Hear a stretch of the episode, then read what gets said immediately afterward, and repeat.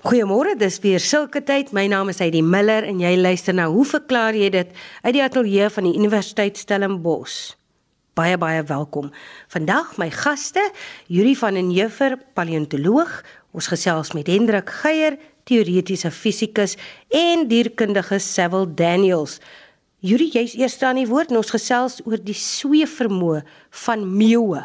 Ja, dis reg. Goeiemôre Heidi, kollegas en luisteraars. 'n uh, Pragtige en 'n aandoenlike brief van uh Willie de Pre en ek neem aan dit kom van Velderif af want hy praat van die Bergrivier en nou moet ek eers verskoning maak vir Willie want ons het in die verlede van sy vrae beantwoord maar daar het 'n geruime tyd verloop voor dit gebeur het en hy het 'n tweede selfvraag ingestuur en uh dit het ook 'n geruime tyd geneem voordat ons kan beantwoord. So wil ek is jammer as jou uh, vrae deur die krake geval het, maar ons gaan hom vandag probeer.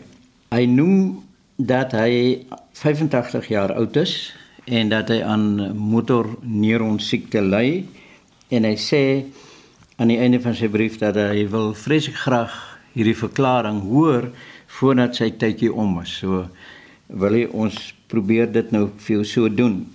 Hy het die verdere probleem dat hy baie bewerig is en eintlik nie kan tik op 'n rekenaar nie. So wat hy doen is hy skryf sy vraag uit omdat die papier sy hand ondersteun en dan word die brief ingeskandeer en dan druk hy dit uit teen omtrent 120 10% vergroting. Nou wil jy jou skrif is heeltemal leesbaar. Baie dankie vir die moeite wat jy gedoen het. Uh hy het hom verwonder aan die sweefvermoë van uh swartrug mews en hy sê as hy hulle nou so beskou, dan sien hy hulle inkom van die see af uh sweef baie laag oor wat hy noem die noordelike betonmuur en dan later uh teen die kant van die die die rivier om dan in die bergrivier te land as 'n groep en hy wil graag weet uh hoe gebeur dit? Want al wat hy sien is dat hierdie klein veertjies op die vlerkpunte gebruik word om die voel te stabiliseer. Nou dit is ook iets wat nou deesdae by vliegtye gebruik word daai ekstra klein vlekkies op die vlerkpunte wat dit baie makliker maak om te vlieg. Nou die rede vir sy vraag is hy sê dat hy baie jare gelede het hy 'n Cessna vliegtuig besit, hy het self gevlieg. Een van die dinge wat hy gedoen was om so hoog as moontlik te styg en dan sê dan het hy die engine krag afgehaal. Nou weet ek nie of hy dit heeltemal uh, afgesluit het nie en dan het hy gesweef teen die wind op vir 'n baie lang tyd maar sy ervaring was dat met hierdie Cessna as 'n sweeftuig het hy al hoe laer en laer en laer gedaal. En hy sien nie dit by die swarterig mews nie wat uh, inkom en hulle bou hulle hoogte is hulle 'n meter of wat bokant uh, die voorwerpe wat hy noem. Dit is baie interessant want meeu het 'n manier dat as hulle sweef dan strek hulle hulle vlerke heeltemal. Nou voel se vlerke is maar 'n voorste ledemaat van 'n werveldier en hy dis ook 'n elmboog en is en 'n skarnier met die liggaam. So wat meeu doen as hulle so gelykmatig sweef, dan word die elmboog gereguit gemaak en die vlerk heeltemal gestrek uh, en dan kan hulle so sweef. Saam daarmee, net soos jou Cessna se vlerk, is die bokant van die vlerk is gerond en die onderkant is gelyk. Uh, en die gevolg is dat die lug teen verskillende spoede oor die bo en onder die vlerk verbygaan en omdat die kontoure van die vlerk dan nou meer gerond is bo, ehm um, beweeg die lug oor 'n langer afstand en is die druk laer bo kan die vlerk en dit help dan die groter druk onder die vlerk eintlik om die voël in die lug te hou. So hulle sweef in hierdie vaste vlerk posisie en dit help hulle om dan bo te bly. Die tweede punt is dat hulle gebruik van stygende ligkolomme in die oggend voor die son opkom, is die grond nog redelik koel en na die son opgekom en dan verwarm die grond, dit verwarm die lug bo kan die grond en dan kry jy mense hierdie uh, kolomme lug wat oneweredig styg Uh, ek sien hulle gebruik die Afrikaanse woord daarvoor as 'n termaal. Klink so bietjie snaaks, maar dit is darm in die woordeboek. En dan gebruik die voëls hierdie stygende ligkolomme om hulle te help om in die lug te bly. En dan mens sien hulle dikwels so al langs die strand af beweeg om voedsel te soek. Wat hulle ook gebruik is bewegende lug, wind wat teen voorwerpe vaswaai, geboue, selfs skepe op die oop see, uh berge of duine of mure waar die wind dan gedeflekteer word opwaarts en dan met 'n versnelde spoed en dan kan hulle dit uh, ook gebruik. Mens sien dikwels van hierdie seevoëls wat branders op hierdie manier gebruik waar die die branders ook die lug opdruk, dan kan hulle op hierdie manier in die lug bly. Die probleem kom egter in wanneer 'n uh, seevoël wil opstyg of wil kom land, want nou moet die spoed verlaag en om te keer dat die voël nou uit die lug uitval as gevolg van gravitasie, sien jy dikwels dat die vlerke dan gedraai word en daar ontstaan so 'n soort gefladder om genoeg krag te hê om in die lug te bly maar al stadiger te vlieg tot daar nou uh, geland kan word want wat hulle doen is hulle verander die hoek waarteen die vlerk met die lug in aanraking kom. Mens kry so iets daarvan as jy met jou motor ry en daar's iemand agter jou nie sodat hulle nie kan dink jy gaan nou regs draai nie en jy steek jou arm uit by die venster met die palm na onder toe en dan kan jy duidelik voel hoe jou arm amper sweef en die oomblik wat jy die voor punt van jou van jou hand so effens opdraai, dan styg jou hand omdat jy die die wind gebruik het en daar's 'n groter vat aan jou palm. So wat hulle dan doen is om hierdie gefladder te begin wanneer hulle land en mense kan dit self uh proef ondervindelik ervaar as jy nou daar by Tableville miskien op die strand gaan staan, daar's baie seevoëls en jy doen iets wat hulle graag wil eet en jy gooi 'n stukkie in die lug dan kom hulle en dan doen hulle so uh, eintlik 'n hang sweef voor jou met daai geweldige gefladder, maar hulle bly op een plek sodat as jy die stukkie kos gooi, dan uh, dan gryp hulle dit. Nou afgesien van die interessantheid hiervan is daar 'n onlangse publikasie gewees wat in Engeland gedoen is, nou 2019 met hierdie soort van goed in windtonnels. En die idee was om presies uit te vind wat voëls en seevoëls doen as hulle hierdie aksies uitvoer want die navorsers reken daar's 'n toepassing vir hommeltuie as jy nou 'n uh, hommeltuig 'n vaste vlerk hommeltuig kan bou wat dan uh, ook kan sweef. En uh, ek is nou nie seker nie, maar my beste inligting is dat dit batterye vir hommeltuie hou nie baie lank nie. En as jy dit nou kon sou verbeter met 'n uh, sweefaksie, dan gaan jy waarskynlik 'n uh, langer vliegtyd kry want hommeltuie word gebruik om na oeste te kyk, na die besmetting, peste, hulle kyk na na die uh, omtrek van veldbrande. Al hierdie goed het nogal 'n toepassing in die verband. So dit is weer eens lyk dit vir my 'n geval van waar iets in die natuur gebeur en dit word nagevors, dit het sekere toepassings en ons kan dit gebruik in ons tegnologie om seker goed makliker te maak of dit te verbeter. Ons sê dankie aan Yuri. Soos beloof gesels ons nou met Hendrik Geier oor haal hoe dit gevorm word in die verskillende groottes of forme, Hendrik. Ja, dankie Heidi. Goeiemôre aan jou kollegas, luisteraars. Fani van Onrus het vir ons 'n e-pos gestuur wat kortom wil weet hoe werk haalvorming en hoekom verskil die grootte van haalkorrels onderling en ook van die grootte van reendruppels wanneer dit nou haal. Fani, mens kan uh, 'n redelike kort antwoord gee, uh, naamlik dat primêre oorsaak vir haalvorming het te maak met baie sterk stygstrome van warm lug binne in cumuluswolke of donderwolke.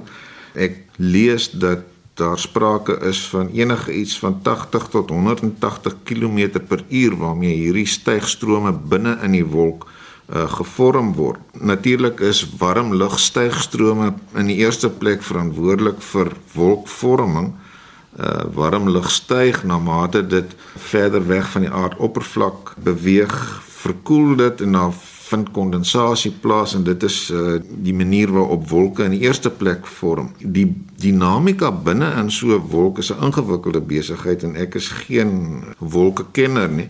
Maar dit lyk vir my asof die feit dat 'n storm ook nie staties is nie, met ander woorde relatief tot die grondoppervlak beweeg en dit neem 'n mens waar as jy so 'n donderstorm sien nader kom.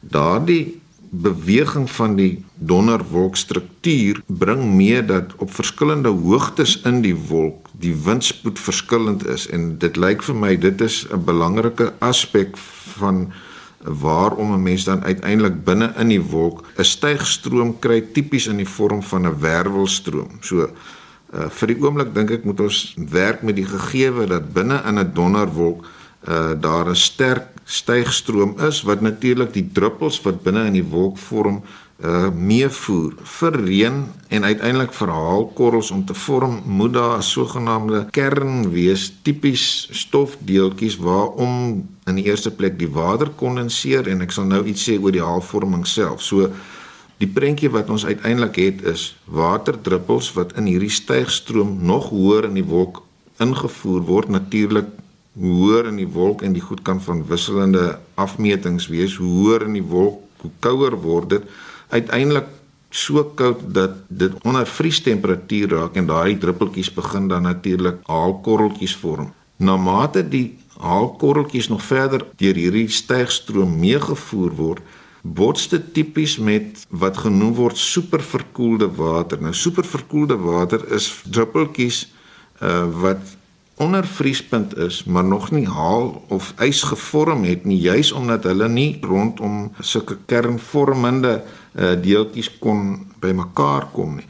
So die gevolg hiervan is dat die haalkorreltjie eintlik as dit ware hierdie superverkoelde water saam sleep wat op die haalkorreltjie self dan verys en so groei die haalkorreltjie. Nou dis duidelik dat daar 'n punt gaan kom waar die ding se grootte sodanig is dat die gravitasiekrag wat op hom uitgeoefen word groter is as die krag van die stygstroom waarmee hy opwaarts gesleur word en op daai stadium begin hy natuurlik te val. En in die valproses kan dit nog steeds wees dat superverkoelde water en miskien selfs ander waterdruppeltjies op hierdie ysstukkie verder saam ys vorm met ander woorde die haalkorrel groei steeds. Die sterkte van die stygstroom bepaal hoe ver in die wolkkolom die vormende haalkorrel meegesleer kan word en hoe hoër, hoe groter word die ding voordat hy uiteindelik val.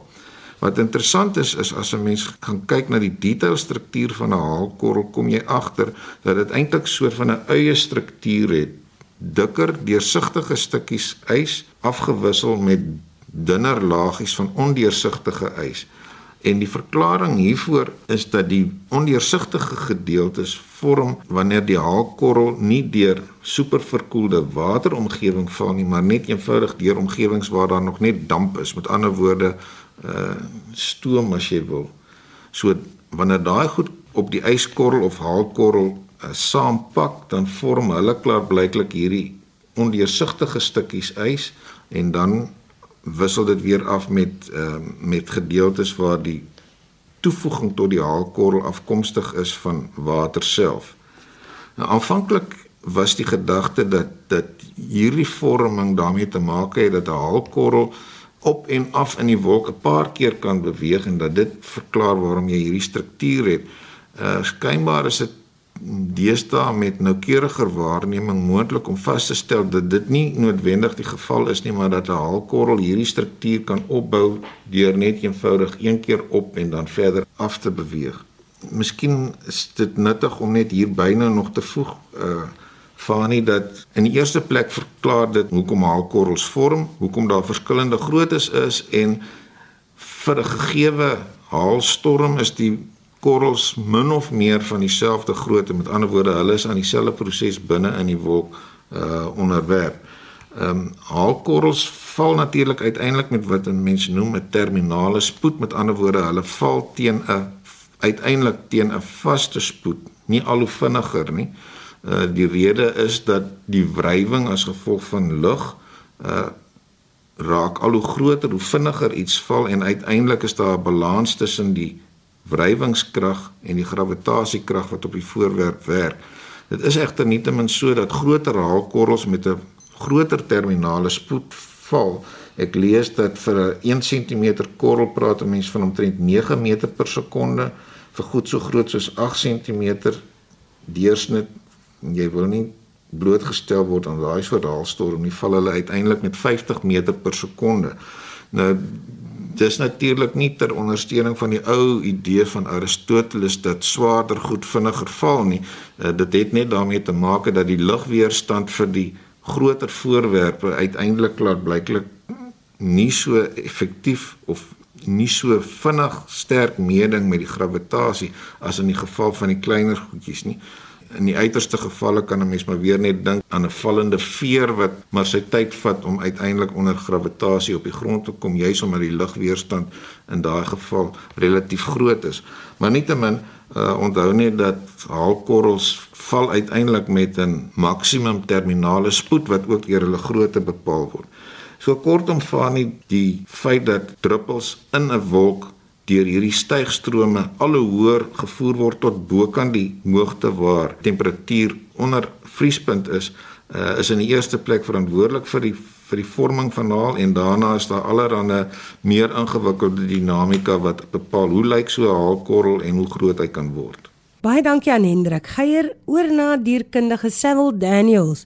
'n Luisteraar het vir hom die volgende vraag ingestuur. Hoekom blaf 'n hond aan een wanneer besoekers of familie soms opdaag? Hoekom skuur 'n kat teen jou bene, brei en purr? En hoekom miau hy?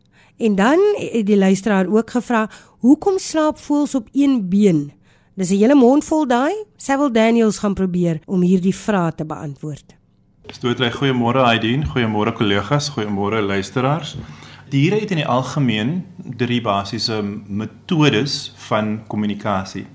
Hulle kan hulle lyfstaal gebruik, nes by mense byvoorbeeld, jy kan sien as die persoon ongelukkig is of gelukkig is oor 'n situasie. Hulle kan kommunikeer deur 'n geluid te maak, soos ek nou probeer praat hier oor die um die mikrofoon of die diere kan chemies met mekaar kommunikeer en mense sien baie keer chemiese kommunikasie in um bye of uh, by mure waar die koningin byvoorbeeld uh vloeistof afskei wat die kolonie onder haar um, beheer sou plaas. Maar nou met spesifieke verwysing na blaf by honde. Uiteraard is dit 'n uh, manier van kommunikasie. Nou in die literatuur sê dit dat daar twee basiese tipe blaf patrone is.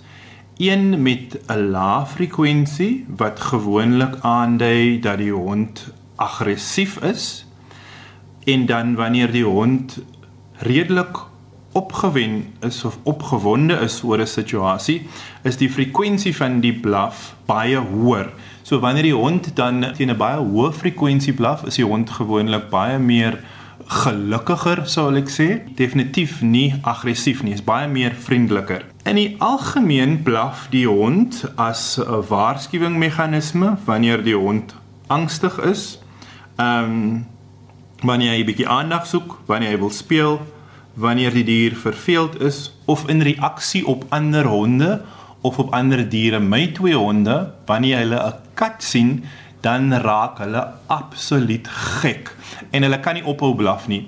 So, ehm um, dit is gewoonlik op reaksie een of ander stimulant in die omgewing wat hulle sien wat vir hulle vreemd is of wat hulle vertroud mee is waarop hulle reageer en gewoonlik vir die eienaar wil sê um kom kyk, hier's iets uh, vreemd aan die gang. OK, die tweede vraag is hoekom miau die kat? Die geluid wat die kat maak is 'n herhaalde neurale osillasie wat van die brein afkom. Aan die ander woord die brein stuur senuweeimpulse na die larynxspiere wat vibrasie veroorsaak en hierdie vibrasies kan tussen 25 tot 150 per sekonde wees. In literatuur sê dit gewoonlik dat ehm um, hierdie prr geluid wat die kat maak is gewoonlik selfkalmerend, maar dit kan uiteraard ook gebruik word om die aandag van die eienaar te trek. Dan die laaste vraag: Hoekom staan voëls op een been? Nou as 'n mens nou dink aan voëls se bene, uit die aard van die saak weet 'n mens dat die skelet by voëls is redelik dun want die dier moet kan vlieg. As die skelet 'n baie soliede struktuur is, gaan die diere probleme hê met vlug want ons weet dat vlug uit 'n metabooliese perspektief uit 'n baie energieryke proses. Met ander woorde, dit verg baie energie om in die lug te kan bly. As mens ook dink aan vliegtye, daar's baie um olie of petroleum wat nodig is om die, om die vliegtuig daar hoog in die lug te hou. OK. Die voël se bene is gewoonlik redelik dun. Daar's gewoonlik klein laagie vel. Die vel is uit die aard van die saak um epidermale weefsel, daar's bloedvate en dan nou sentraal is nou die been wat daar nou gelees. As mens dink byvoorbeeld aan kiwite of um eende.